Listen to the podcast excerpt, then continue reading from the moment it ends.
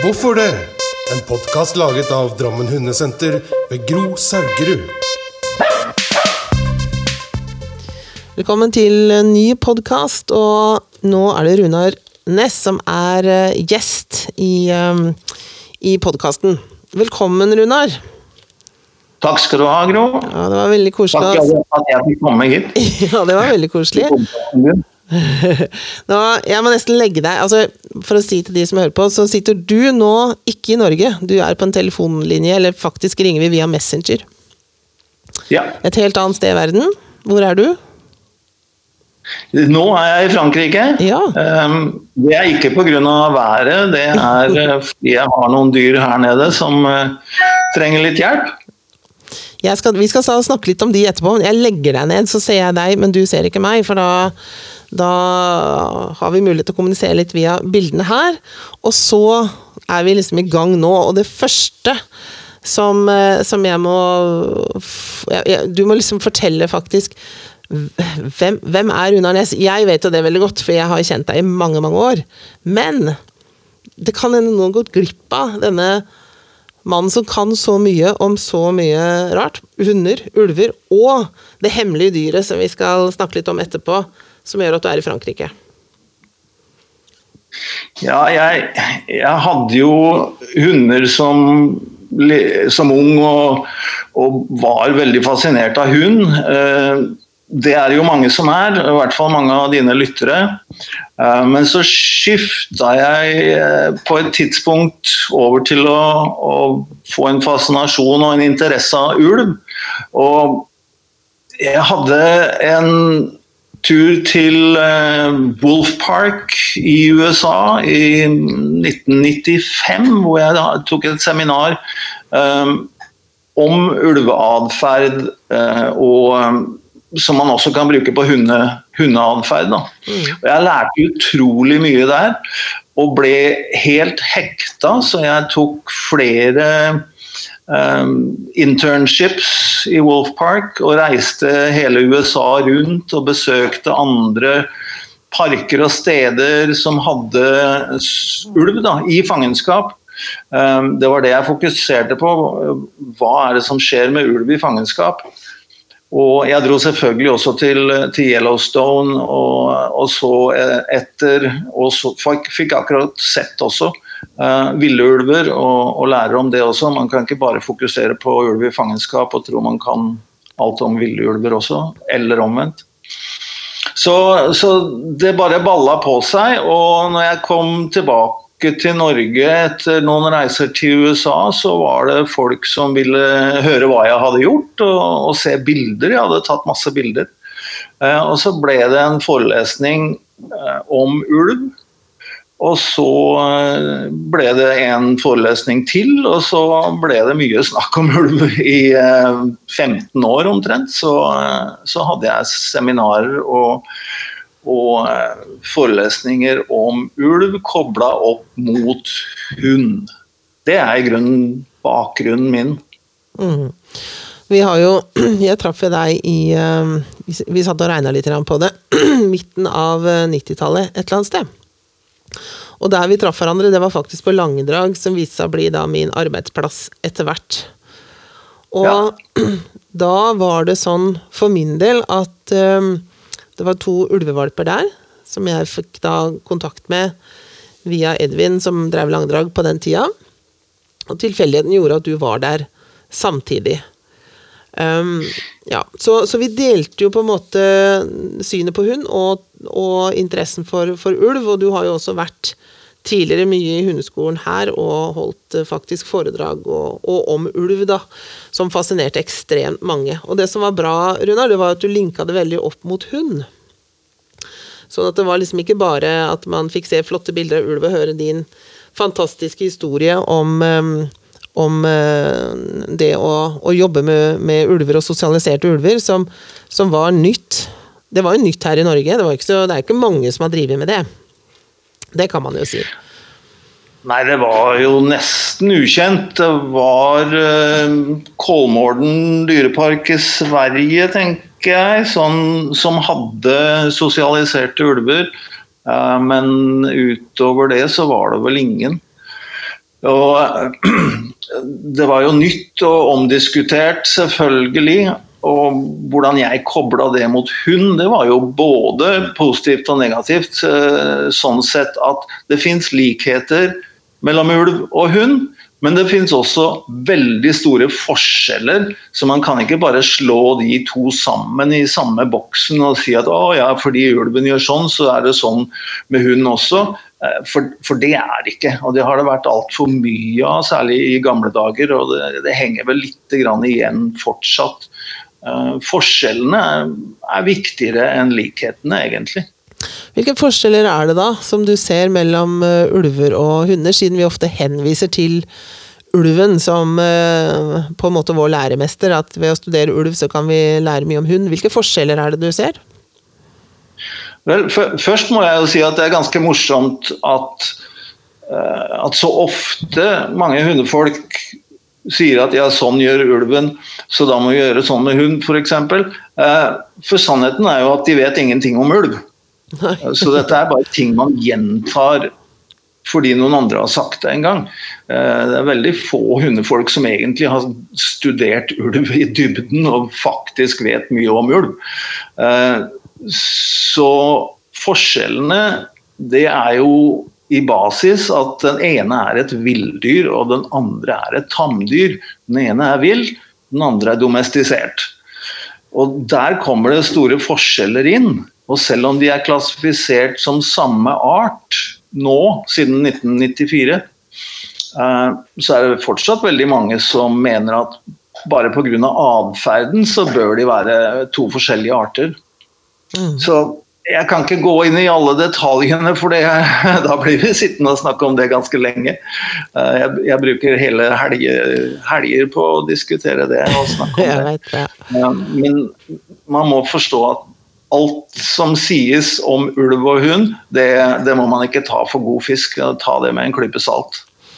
Men det, det, som eh, ofte går igjen, da, det er at man henviser litt til hvordan strukturen i flokken er oppbygd. og, og, mm, og har dette alfa-begrepet, som man også overfører inn i hundeverden.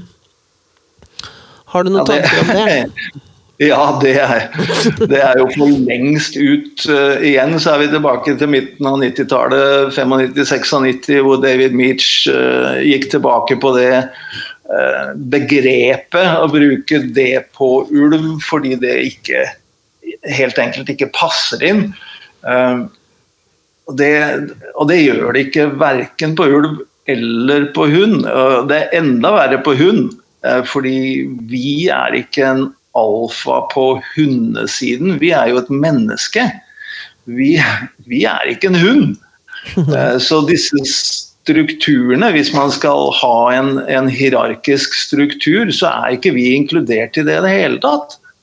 Vi er så langt over den strukturen, både på ulv og på hund, hvis man jobber med sosialisert ulv, eh, at vi blander oss ikke bort i ulveting når vi jobber med ulv, og vi har heller ingen rolle som hund og blande oss bort i hundeting.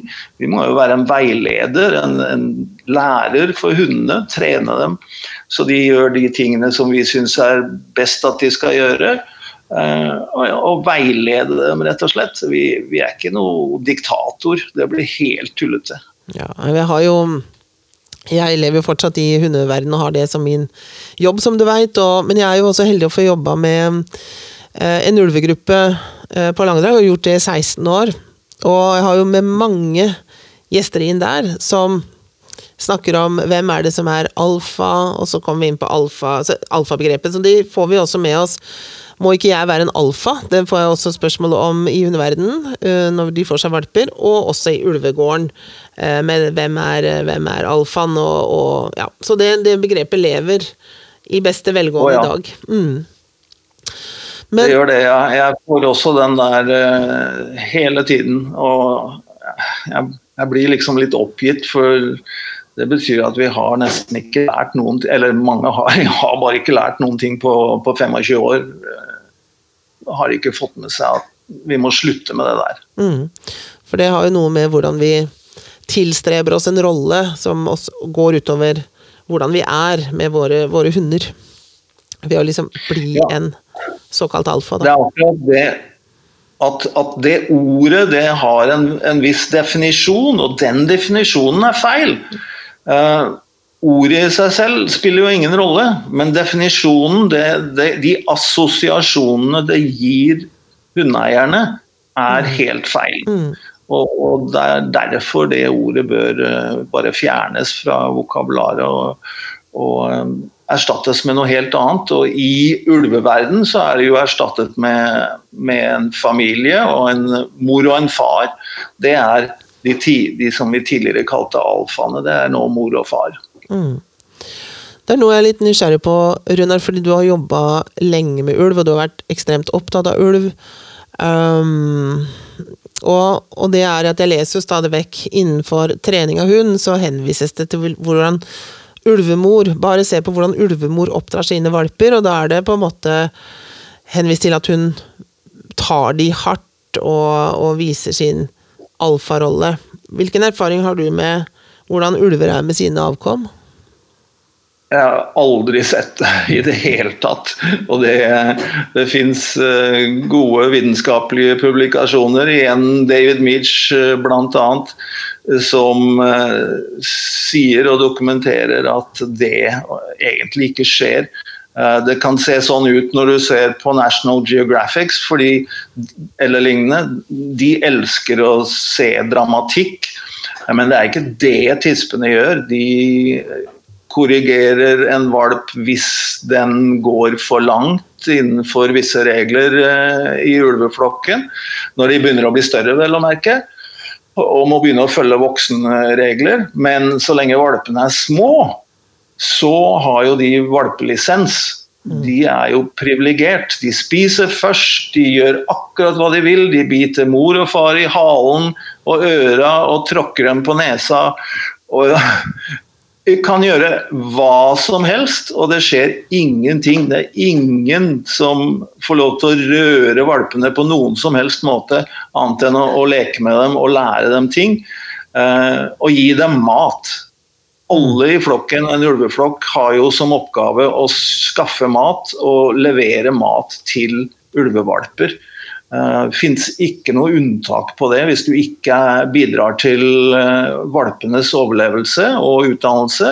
eh, Så er du ikke medlem av flokken. Det er veldig rart hvordan eh, de mytene, da, eller eh, sannheten for veldig mange, får lov til å bare leve. De henviser til det. Bare se på hvordan, hvordan eh, dyremødre gjør det med sine unger. og og jeg har jo også Altså, vi har hatt fem kull uh, gjennom den tida jeg jobba med den ulvegruppa, og deler helt med deg det du sier. Jeg har faktisk ikke sett de har vært harde med sine valper overhodet.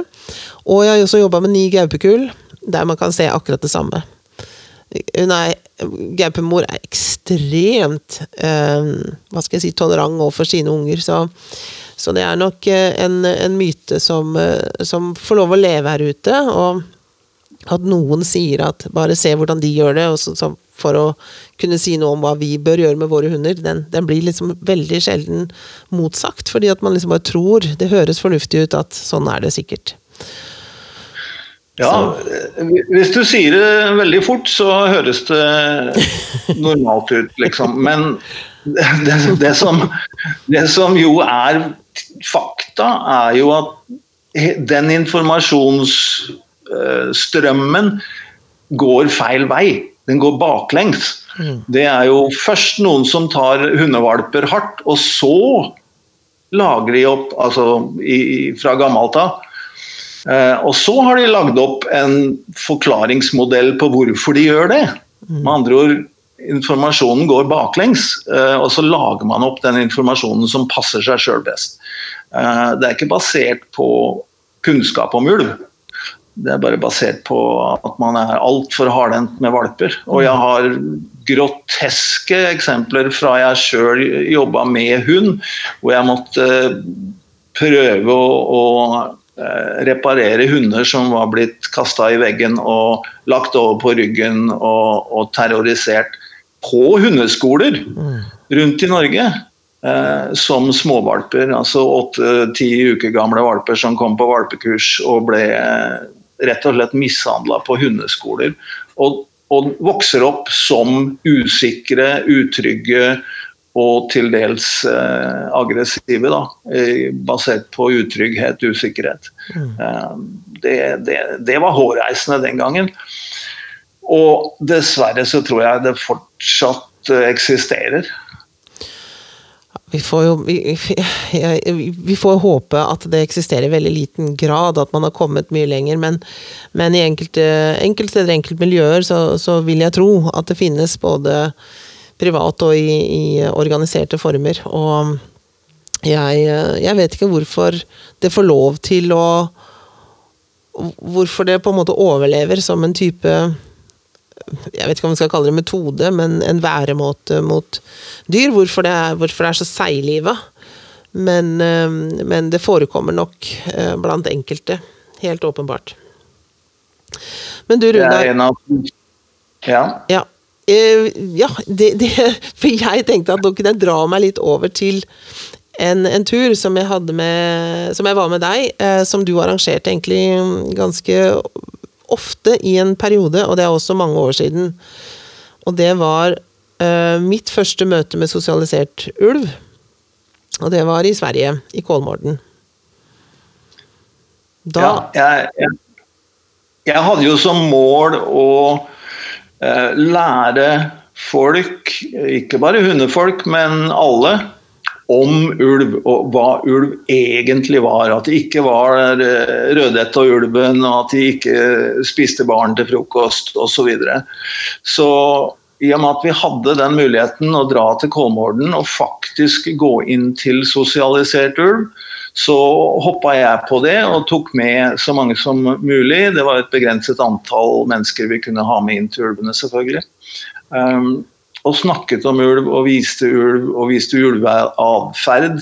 Og, og fikk ut kunnskap om ulv på den måten. Um, så, og det var uh, veldig populært, og, og, det var veldig moro. For vi hadde så fine turer, både den hvor du var med, mm. og mange andre hundeskoler uh, hoppa jo på det. Uh, og brukte de ulvene i Kolmården som en, en slags eh, demonstrasjon på å se atferder og diskutere atferder. Mm. Så det, det, var en kjempegøy eh, tid. Ja, det var en veldig fin uh, tur. Um, og det er jo kanskje mange som stiller seg spørsmålet hvorfor skal man sosialisere ulv i det hele tatt?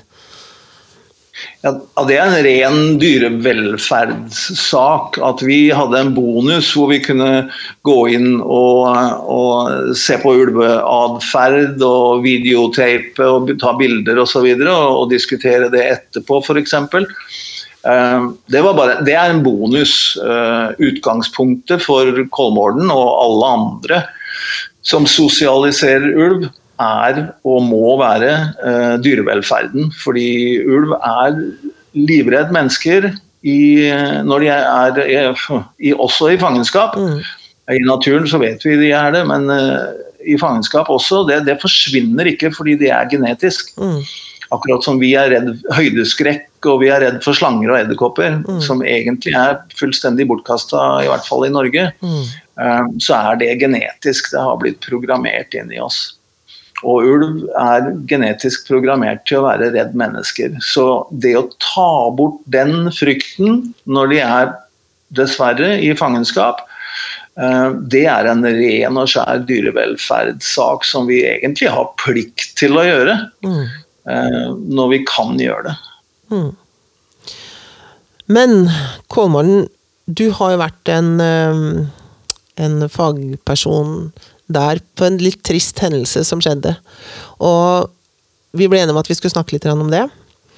Uh, hva skjedde i Kolmården for noen år tilbake? Hva Ja, men fortell litt om det, Runar.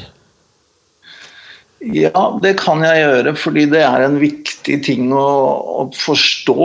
Eh, trist nok, men vi må lære av det som skjedde. Det var eh, 17.6 i 2012. eh, at en av dyrepasserne ble drept av ulvene i Kolmården. Mm. Og det var ikke de ulvene som vi den gangen på 90- og, og 2000-tallet var inne hos, for de eh, var svært annerledes. De hadde blitt eh, sosialisert på en annen måte, andre metoder osv. Så, videre. så vi hadde en veldig fin tid den gangen.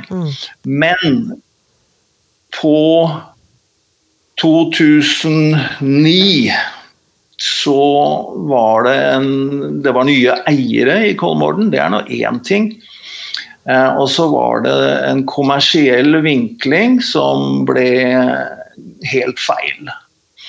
De plukket ut eh, 20, borti over 20 eh, dyrepassere fra rundt omkring i Kolmården dyrepark til å jobbe med et, en ny flokk med ulver, som var ni hannulver, som var satt sammen fra tre forskjellige dyreparker i Sverige. Og disse skulle da sosialiseres, og skulle de bli et veldig stort og, og eh, profitabelt produkt i parken. Men ingen av disse hadde noen som helst utdannelse på ulv eller kunnskap om ulv. Og den som skulle lære dem opp, eh, han var stort sett eh, manglende. Og han hadde Det han lærte dem, eh, det var feil også. Så ikke nok med at de hadde null kunnskap om ulv og sosialisert ulv, men de hadde feil kunnskap, og blir, da, da, havner du på minussida av kunnskapsskalaen. Så de brukte straff. De brukte disse metodene som vi nettopp var inne på på hund, hvor, hvor du skremmer på hundevalper. Mm. Hvor de skremte ulvevalpene fra de var små, skremte dem vekk fra maten for å, å for at de skulle bare spise når de fikk lov til å spise osv. Gjorde alt dette gamle, dårlige og skadelige hundetreningsmetodene på ulv. Mm. Og da går det fryktelig gærent, rett og slett. For ulv finner seg ikke i sånt noe. Og dette hadde ikke blitt gjort tidligere det var eh, ok, kanskje litt eh, korrigering hist og pist på ulvene den tiden vi var der borte. Men det var helt minimalt og ikke noe som skapte problemer. Men fra 2009, eh, så på den flokken med, med ni ulver, så ble ulvene fra de var valper, mer og mer drittlei, for å si det på godt norsk uh, dyrepasserne, og etter hvert ikke likte dem og begynte å jage dem ut én uh, etter én. Og uh, til slutt så, så, gikk det fullstendig gærent. Hmm. Det var jo en, en rystende sak for oss som jobber med, med, ulver, og det var jo en rystende sak i det store og hele. Men, men nå snakka du jo litt om at disse ulvene ble jo bestraffa på ulike måter? Ikke sant? Ja, her var det den alfafilosofien som regjerte. Mm. At du skal dominere ulvene, du skal straffe dem hvis de ikke gjør som du sier. Men en ulv bryr seg ikke et døyt om hva du sier. Mm. Eh, det er hunder som kanskje kan gjøre det, men ikke ulv. Og og dette ble bare verre og verre, da, de, de, fordi ulvene ikke hører på sånne ting som mennesker vil. Så ble straffingen hardere og hardere. Og en av metodene, altså bare én av dem, var jo å, å kaste disse ulvene eh, og ulvevalpene over på ryggen. Den herre alfarullen. Mm. Uh, og stirre dem inn i øynene og knurre dem i ansiktet osv. mens de lå på ryggen. Mm. Og Det går greit, det. Du må gjerne gjøre det mens ulvene er ulvevalper. Men når de blir voksne, så har, så har ikke de glemt det. De husker deg veldig godt, og de husker akkurat hva du gjorde, og de husker hvordan du fikk dem til å føle, mm. uh, nemlig frykt. Mm. Og uh, når disse ulvene ble to år gamle, så angrep de den første dyrepasseren. Så det var eh, i, i, allerede i, i 2011. Men hun ble ikke trodd. Hun var alene inne med ulvene og ble ringa inn av eh, fire ulver, så hun ikke kunne flytte seg. Og ble direkte angrepet av ulv. Eh, kom seg til slutt ut, bare med flaks, fordi det var en traktor og litt forskjellige distraksjoner som gjorde at ulvene sjekka den og ga henne en åpning til å komme seg ut gjennom en sidedør. Men det, det, det, tragiske der var at hun ble ikke trodd i det hele tatt. De, eh, ledelsen syntes at det var bare tull, og hun, eh, hun overdrev det hele. det ble ikke gjort en eneste forandring etter at hun nesten ble drept eh, i, i, 2011. Og så, så det var en, en, Da var ulvene to år gamle. Fortsatt litt Altså ulv modnes seint. Så de var fortsatt litt unge, litt usikre. Eh, men fullstendig klar til å, å ta henne. Å og jage henne ut, da. Det var jo det de klarte. Ehm, og det hadde de gjort med mange mange dyrepassere før også. Det er ikke målet å, å ta livet av en dyrepasser når du er ulv. Målet er å få dem ut mm. når du ikke liker dem. Og det var målet i, i, slutten også. Målet er jo bare å få dem vekk. Eh, men hvis du går inn i en kamp med en ulv og tror at du kan vinne, mm. Da bør du spille på Lotto, for da, da kan det hende du vinner der også. Men det, oddsen er omtrent den samme. Hvorfor veit du så mye om det her, eh, Runar? Hvorfor kan du Du har jo jobba Det er ikke sikkert vi klarte å få fram det godt nok, fordi at du er jo en av de få som har jobba masse med sosialisering av, eh, av, ulv. Ja, jeg har det, og akkurat når, når dette, denne ulykken skjedde i 2012 så, så, var jeg litt opptatt, egentlig. Jeg syntes det var tragisk. Jeg hadde journalister som ringte meg osv., men jeg, jeg, kunne ikke svare på noe, for jeg visste ikke detaljene. Og um, jeg var veldig opptatt med å prøve å redde borti 400 dyr i en helt annen dyrepark, mm. som uh, var uh, blitt forlatt og i det hele tatt var i en helt tragisk tilstand. Så jeg jumpa på det og kjøpte rett og slett en dyrepark, og det var jo altfor mye for meg å, å, påta meg, men uh, jeg prøvde nå mm. uh, i to år å, å, få litt skikk på dette her og få redda noen dyr. Uh, og det var akkurat de to årene fra 2012, fra ulykken i Kolmorden skjedde, og fram til det ble en siktelse i Kolmorden. Som jeg leste i avisen at noen var sikta, men det sto ikke hvem. Og jeg var veldig redd da at de hadde sikta en dyrepasser eller en eller annen stakkar som egentlig ikke hadde noe med dette her å gjøre i det hele tatt, med ulvene uh, og hva som skjedde. da. Mm. Fordi For meg så var saken helt klinkende klar. den. Jeg, jeg, jeg, hadde ikke noe problem med å forstå akkurat hva som hadde skjedd. Men hvis noen uskyldige skulle få skylda, det syns jeg var uh, litt for gærent. Så jeg sendte en e-mail til, eh, til Anders, som var et, sjefsetterforsker i den saken. Og De hadde jo da holdt på i to år uten å komme noen vei i det hele tatt. Um, så jeg skrev noe som jeg kalte for en farlig illusjon, og så uh, lista jeg opp en del av de tingene som jeg trodde og mente hadde skjedd, og hvorfor. Og da fikk jeg umiddelbart et svar tilbake at de ville snakke med meg. Mm. Og jeg dro til Sverige, de kom til Norge osv. Og, så og vi hadde lange, lange samtaler. Uh, og etter hvert så fikk jeg innsyn i alle vitneutsagn, alle dokumenter. Absolutt alt som hadde med saken å gjøre. Og vi jobba sammen i to år for å få den saken klarlagt, hva som hadde skjedd, og hvorfor. Mm. Og, få, og, få, den fram da, til uh, aktor i Sverige. Da.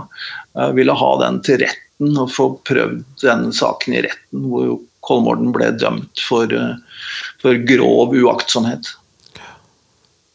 Hmm. Så jeg sitter med veldig mye informasjon. Jeg har ca. 1500 dokumenter og 50 timer med, med lydbånd på vitneforklaringer. Mm. Så akkurat den saken kan jeg ganske godt. Ja. Og i tillegg så Jeg vet ikke hvor mange ulver du har vært med på å sosialisere i din tid, men du har jo, du jo jobba hands on med, med, ulver også, sånn at du har jo vært involvert i mange sosialiseringsprosjekter også. Så du kjenner jo, kjenner jo godt til. Ja, ja det, det er jo min spesialitet egentlig, det er jo sosialisering av ulv. Og det kan gjøres på ulike måter. Noen sosialiserer bare til seg selv. Store egoer gjør gjerne det. Hvor de bare vil ha ulver rundt seg og, og syns at det er veldig trivelig og stadig går inn. Uh, andre sosialiserer kanskje det ett år, eh, halvannet år, sånn at du får en god sosialisering på ulvene, og så går, trekker de seg tilbake. Gradvis, stille og rolig, lar ulvene få lov til å, å være for seg selv. Men uten da frykt for mennesker, sånn at mennesker kan se dem nært opp, og ulvene slipper å være redd. Det er jo den aller beste dyrevelferdssituasjonen, eh, egentlig, i, i, min mening. Jeg hadde kanskje en annen oppfatning for mange mange år siden når jeg begynte, men, eh, men jeg har lært nå at Og det har ingenting med ulv å gjøre, men jeg har lært nå at mennesker kan ikke alltid håndtere disse tingene. Eh, noen vil ha profitt, noen, noen, har store egoer og vil vise seg fram sjøl. Osv. osv. Det er for mange ulike motivasjoner som ikke nødvendigvis korresponderer med god dyrevelferd. Så jeg har gitt opp litt på menneskesida. Jeg er fortsatt, jeg er fortsatt opptatt av ulv. Men vi snakka litt om eh, når vi, ble, når vi skulle snakke litt om innholdet i denne sendinga her, så, så, var det jo litt det her hva, hva, kan sånne ting som skjedde i Kolmorden, hvordan kan man bringe det inn til hundefolket? da? Hva kan vi lære av uh, de feilene som ble begått der? Kan man overføre den kunnskapen til, til hund? Det vil jeg absolutt si, og det, det syns jeg er en av de tingene vi må lære fra Kolmorden-saken i, i, 2012. Um, fordi her var det straffing og dominering og alfabegrep, og de trodde at de var eh, ledere for ulveflokken, altså ledere i denne alfabetydningen. Dominante ledere, diktatorer. Ulvene fikk aldri gjøre noe annet enn det de sa. Og hvis de gjorde det, så fikk de straff. Altså de, de Jeg kan ikke beskrive akkurat hva slags typer straff, eh, for det kunne være hva de nå enn fikk tak i. Eh, men det vil jo ofte være den her eh, lese teksten, få tak i nakkeskinnet på dem og knurre, stirre i øynene og knurre, knurre dem i ansiktet. Jeg syns det er ganske dristig gjort, for å si det sånn. For jeg ville ikke like å ha eh, rearrangert ansiktet mitt av en ulv. Um, men de gjorde alt dette her eh, og la, prøvde å legge dem over på ryggen. Det var stort sett bare en stor kar som klarte å gjøre det. Disse nye dyrepasserne de etter hvert var ikke fysisk sterke nok til å gjøre det. Så de, de ble bare stående og rive og slite i dem. Og klart, ulvene ble dritt lei, og de dyrepasserne, alle, gikk etter hvert over fra å være en partner når de var valper, selv om de skremte dem. Noen, det fins noe automatikk i det, at foreldre alltid vil være foreldre, og man forsvarer dem en stund, i hvert fall. Og Så gikk de over til å bli nøytrale. En del av ulvene gadd ikke å ta kontakt med dem lenger. De kom ikke fram overhodet. De tok med seg, Dyrepasserne hadde med seg 15 gjester inn, og de så ikke en eneste ulv. Eh, så da blir det i grunnen at du betaler tusenvis av kroner bare for å gå en tur i skogen. Eh, så det var heller ikke helt populært. Men eh, da ble det bare mer straffing av ulver, og så går egentlig dyrepasserne fra å være nøytral til å bli en fiende. Og da ble de tatt, eller den siste da, ble, ble tatt. De andre ble jagd ut på forhånd. Bitt og jagd ut. Og det er klart, hvis man går tilbake til prinsippet som har med læringspsykologien å gjøre, og ikke har med er det ulv eller er det hund, eh, men læringspsykologien er den samme på ulv og hund. Og hvis du lærer en hund at du er en ubehagelig person og en farlig person, og, og, en som man bør være redd, som jo skjedde med disse ulvene, ja, så er det akkurat det samme på en hund. Mm. Og da har du en hund som ikke liker deg, men den er avhengig av å være hos deg. Det er ikke ulv. Eh, men hundene de er, vil alltid være som ulvevalper. Da. Vi, eh, vi bruker fire måneder måneders gammel ulvevalp som en modell for domestiserte hunder.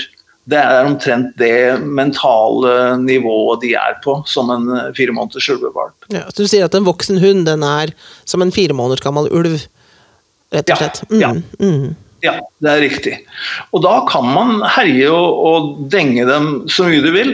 Uh, de, de, er ikke gamle nok og tøffe nok og store nok og, og uh, motivert nok til å ta igjen. De blir enkel, helt enkelt bare redd.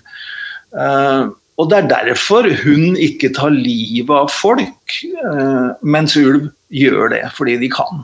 Mm.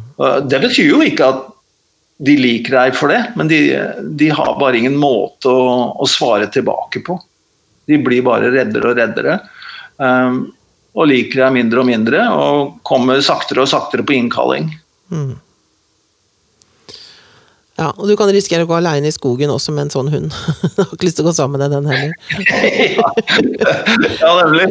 De bare forsvinner lenger og lenger bort, og, og, du får mindre og mindre kontakt med dem. Og de lærer jo mindre og mindre også. Mm. Eh, det er ikke så lett å lære noe som helst hvis du går rundt og er redd hele tida. Viktig, viktig kunnskap å ta med seg, en dramatisk historie fra fra Kolmården som du er den rette til å snakke om, fordi du um, selvfølgelig har innsyn i dokumentet og vært brukt som fagperson, og fordi du har jobba med sosialisering av ulv og kjenner arten ekstremt godt. Så det, um, det Ja. Det, og det at vi også kan trekke lærdom av det over til våre hunder. Og, og hvem er det som sa det? Anders Hallgren? Nei, Lars Felt hundene våre har en feil. De, har, de er liksom født altfor snille, var et eller annet sånt han sa. At de, hundene finner seg altfor mye, de er for snille. Så, så, ja. Men det jeg har lyst til å ta deg litt videre, videre nå, Runar, det er at nå driver du med noe helt annet, og jeg kalte det for det hemmelige dyret som vi skulle røpe røpe litt uh, lenger ut i sendinga, altså nå. Uh, du holder deg i Frankrike deler av året, og du driver med en helt annen, en helt annen art, både størrelsesmessig og atferdsmessig. Hva driver du med nå, og hvorfor? Ja, jeg kan starte med hvorfor. For det, det, var, det var, etter nettopp Kolmården-saken og det vi har snakket om. og jeg, jeg, trodde jo jeg var ferdig med den på et tidspunkt og, og kunne uh, slippe det særlig emosjonelt, for det er klart det er emosjonelt når kollegaer blir drept på jobb. Det, sånn skal det ikke være. Mm. Men uh, rettssaken kom jo ikke før 2016. Det tok jo en evighet fra selve ulykken, egentlig. Uh, så da måtte jeg engasjere meg igjen, og jeg var jo der som, som ekspertvitne og, og hjalp både etterforskere og, og aktoratet. og etter det så var jeg så sliten og trøtt av ikke av ulv, men av alt dette som foregikk, og som for så vidt foregår rundt ulv. På den tida så sosialiserte jeg fire ulver i Tyskland. Så jeg hadde det også, så jeg pendla fram og tilbake mellom Sverige og Tyskland. og jeg blei egentlig fryktelig sliten både av Sverige og Tyskland. Eh, fordi Tyskland er ikke noe enkelt land å, å drive med byråkrati og hierarkiet som, som eh, eksisterer eh, veldig livlig i Tyskland. Men ulvene i Tyskland ble veldig fine, men de gjorde vi en enkel prosess av at vi sosialiserte dem ferdig til de var eh, steinharde til å takle både publikum og alt annet som foregikk rundt, og så trakk vi oss bare tilbake. Men da, da var det siste for meg eh, på ulvefronten, eh, og jeg søkte etter noe nytt. Jeg reiste rundt i USA, Canada um, osv. Hele Europa, for den saks skyld. Eh, prøvde å slappe av litt etter eh, alt det emosjonelle. Og endte opp i Thailand.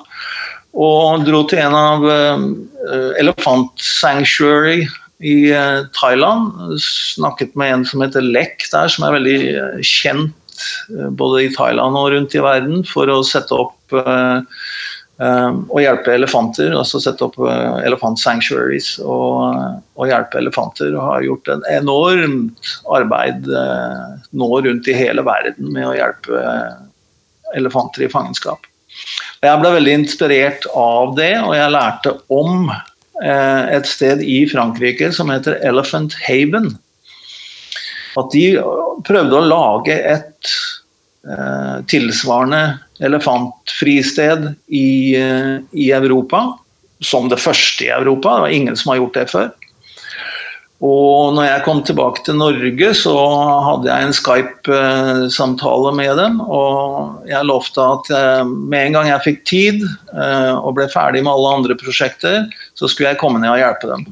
Og det gjorde jeg. Så der har jeg vært frivillig og hjulpet til i fem år. Uh, fram og tilbake til Norge og, Frankrike, selvfølgelig. Uh, men det har vært veldig givende, og vi har fått vår første elefant. Det var en lang prosess. Altså, vi måtte jo bygge gjerder og låve og veier og alt dette her, så det var et stort arbeid å få det til. Men i fjor så fikk vi første elefanten, Gandhi, og hun uh, trives veldig bra. Seinere i år så får vi en elefant til som kommer fra en uh, elendig dyrepark i tsjekkiske republikk. Uh, hun heter Deli. Um, Gandhi veier 3,1 tonn, og Deli veier nesten 4 tonn. Hun er litt lubben, stakkar. Så vi må sette henne på en diett. Men elefant er det nye for meg nå.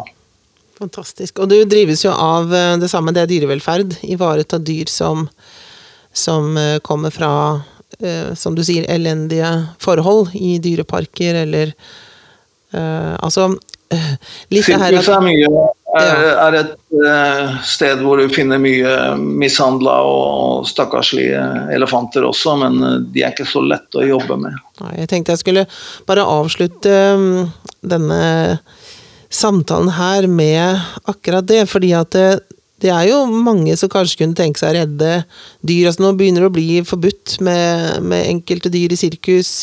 Sirkus blir um, dyrefrie. altså det, det, er jo mye fokus på dyrevelferd uh, rundt omkring. Mye større nå kanskje enn ja. før. Man får større tilgang på å se Um, hvordan dyr har det gjennom både internett, og man liksom får en helt annen tilgang. Det er mye mer åpent, og dermed så vekker det hva skal jeg si, behovet for å redde de. Men man må jo redde de til noe, og det er jo der Der hadde jo du også noen tanker når vi snakka sammen før sending, og det er at dette er jo ikke lett å redde disse dyrene hvis man ikke har fasiliteter som tar dem imot. Ja, det er helt riktig. Ehm, vi får stadig nye lover eh, som forbyr mishandling av dyr eh, i underholdningens navn. Eh, og mennesker skjønner mer og mer at dette er ikke riktig. 100 år tilbake så skjønte vi ikke det, men i dag så er vi mer opplyst, så vi skjønner det at ok, dette må vi slutte med. Eh, men hvor skal alle disse dyra gå hen, da? Skal de bare bli, bli lenka opp bak loven? Det er jo ikke noe bedre dyrevelferd. Så lover og forbud er én ting, men det løser ikke selve problemet. Fordi vi må gjøre noe med dyra. Dyra må jo ha et sted å gå. Og det er litt for romantisk å tro at du kan sende disse dyra som har levd hele sitt liv i fangenskap, tilbake til naturen. Uh, fins noen som tror det, men det er uh, dessverre ikke mulig. Ikke bare for at de dyr, disse store dyra ofte har uh, ingen som helst sosiale kunnskaper og ingen som helst evne til å, å, ta seg fram og overleve da, i, i naturen. Men det er også et problem som jo stadig oppstår, og det er jo et habitat loss, altså habitat. Tap av habitat, mm. må det hete på norsk, tenker jeg. Uh, at det er ikke noen steder å sette dem lenger. Uh, Borneo har uh, orangutanger. Eh, som de har et kjempebra senter som rehabiliterer skadede og, og foreldreløse orangutang. Og setter dem ut tilbake til naturen. I hvert fall gjorde de det. Men i dag så har de masse orangutang som er kandidater for å bli satt ut. Men de har ikke noe sted å sette dem. Mm. Fordi habitatet, skogen, forsvinner. Mm. Og Sånn er det med veldig mange av de store, store pattedyrene, elefanter også f.eks. Mm. Det er ikke noe sted å sette dem ut. Ikke asiatiske elefanter, i hvert fall. Fordi habitatene er borte. Mm. Afrikanske elefanter er det veldig få av i fangenskap, for de er eh, mye vanskeligere og tøffere å ta livet av trenerne sine hvis de blir mishandla. Så det er korttidsjobb å være trener for uh, afrikanske hannelefanter, f.eks. Mm. Så de fleste er asiatiske når det gjelder elefanter. Men vi har jo også sånn som eh, spekkhoggere og delfiner og, og andre hvaler som nå, samme som Elephant Haven i Frankrike, har fått et um, sanctuary på Island. Mm. Samme, samme fjorden som Keiko var, for de som husker Keiko. Free Willy. Spekkhoggeren Keiko fra mm. Free Willy, ja. Eh, han var der oppe lenge for å, å, bli rehabilitert og kunne overleve i naturen, men det gikk jo ikke. Han døde jo i Norge. Faktisk i en fjor i Norge. Mm. Men nå er det to baluga-hvaler eh, som kom fra Shanghai og er i den samme fjorden der oppe. og de forsøker nå å sette opp et Ja, de har allerede, for de har, har disse to eh, belugaene som eh, forhåpentligvis kan bli igjen en, en pioner til å lære mer om hvordan vi kan lage sanctuaries for disse store eh, sjøpattedyrene også. Mm. Så det skjer ting. Det er bra. Det var en spennende, spennende um, historie du hadde å fortelle, Runar. Både eh, hva du sjøl holder på med eh, nå, med elefanter, og det livet du har hatt med ulver, og det du kunne fortelle om, om Kolmården, og tanker som du har gitt meg, og helt sikkert de som kommer til å høre på denne episoden, om lysten til å redde, men uh, muligheten til å gjøre det. Dyrevelferd. Uh, risiko ved bestraffninger av både våre tammedyr og villdyr. Jeg tror vi alle har fått litt å tenke på.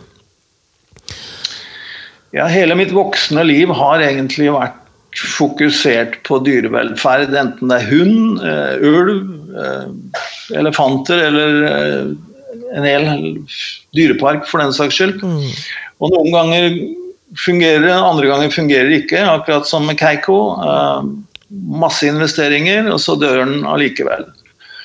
men man kan ikke gi opp for det. Du må jo bare fortsette. De som bare sitter hjemme og spiser potetgull og klager, de, er jo ikke en del av løsningen, de er jo egentlig en del av problemet. Så du må jo ut og prøve å, å hjelpe. Og alle kan gjøre noe. Noe frivillig arbeid, noe med sine egne hunder, for den saks skyld. Mm. Og bare tilegne seg mer kunnskap, sånn at hundene kan få det bedre. Det er økt dyrevelferd allerede der. Mm. Og mine forsøk på Eller mine år med seminarer og, å snakke om ulv og hund var jo Det var gledelig for meg, men eh, det hadde jo et litt dypere mål, og det var jo at folk skulle bli flinkere til å trene hundene sine, og, og snillere med hundene sine. Og da får du en gigantisk dyrevelferdsøkning når du begynner å telle mennesker. Mm. Så neste prosjekt nå er å skrive bok, så jeg kan nå enda flere mennesker eh, med budskapet om eh, positiv forsterkningstrening istedenfor fjollete og ineffektiv straffing. Men eh, bok har jeg prøvd å skrive mange ganger, så vi får se. Jeg skal heie på deg, Runar, og så skal jeg være den første til å kjøpe boka di. Og så skal jeg spre det glade budskap når den, når den kommer. Og så skal vi stoppe historien her. Vi har klart å holde 50 minutter. Jeg har jo liksom satt et tak på en halvtime. Så da, da røyk, røyk tida vår på gode historier og god formidling. Så bare hold linja fra Frankrike der du er akkurat nå, og så avslutter jeg sendinga. Og tusen takk, Runar, for, for samtalen. Bare hyggelig. Hvorfor det? En podkast laget av Drammen Hundesenter ved Gro Saugerud.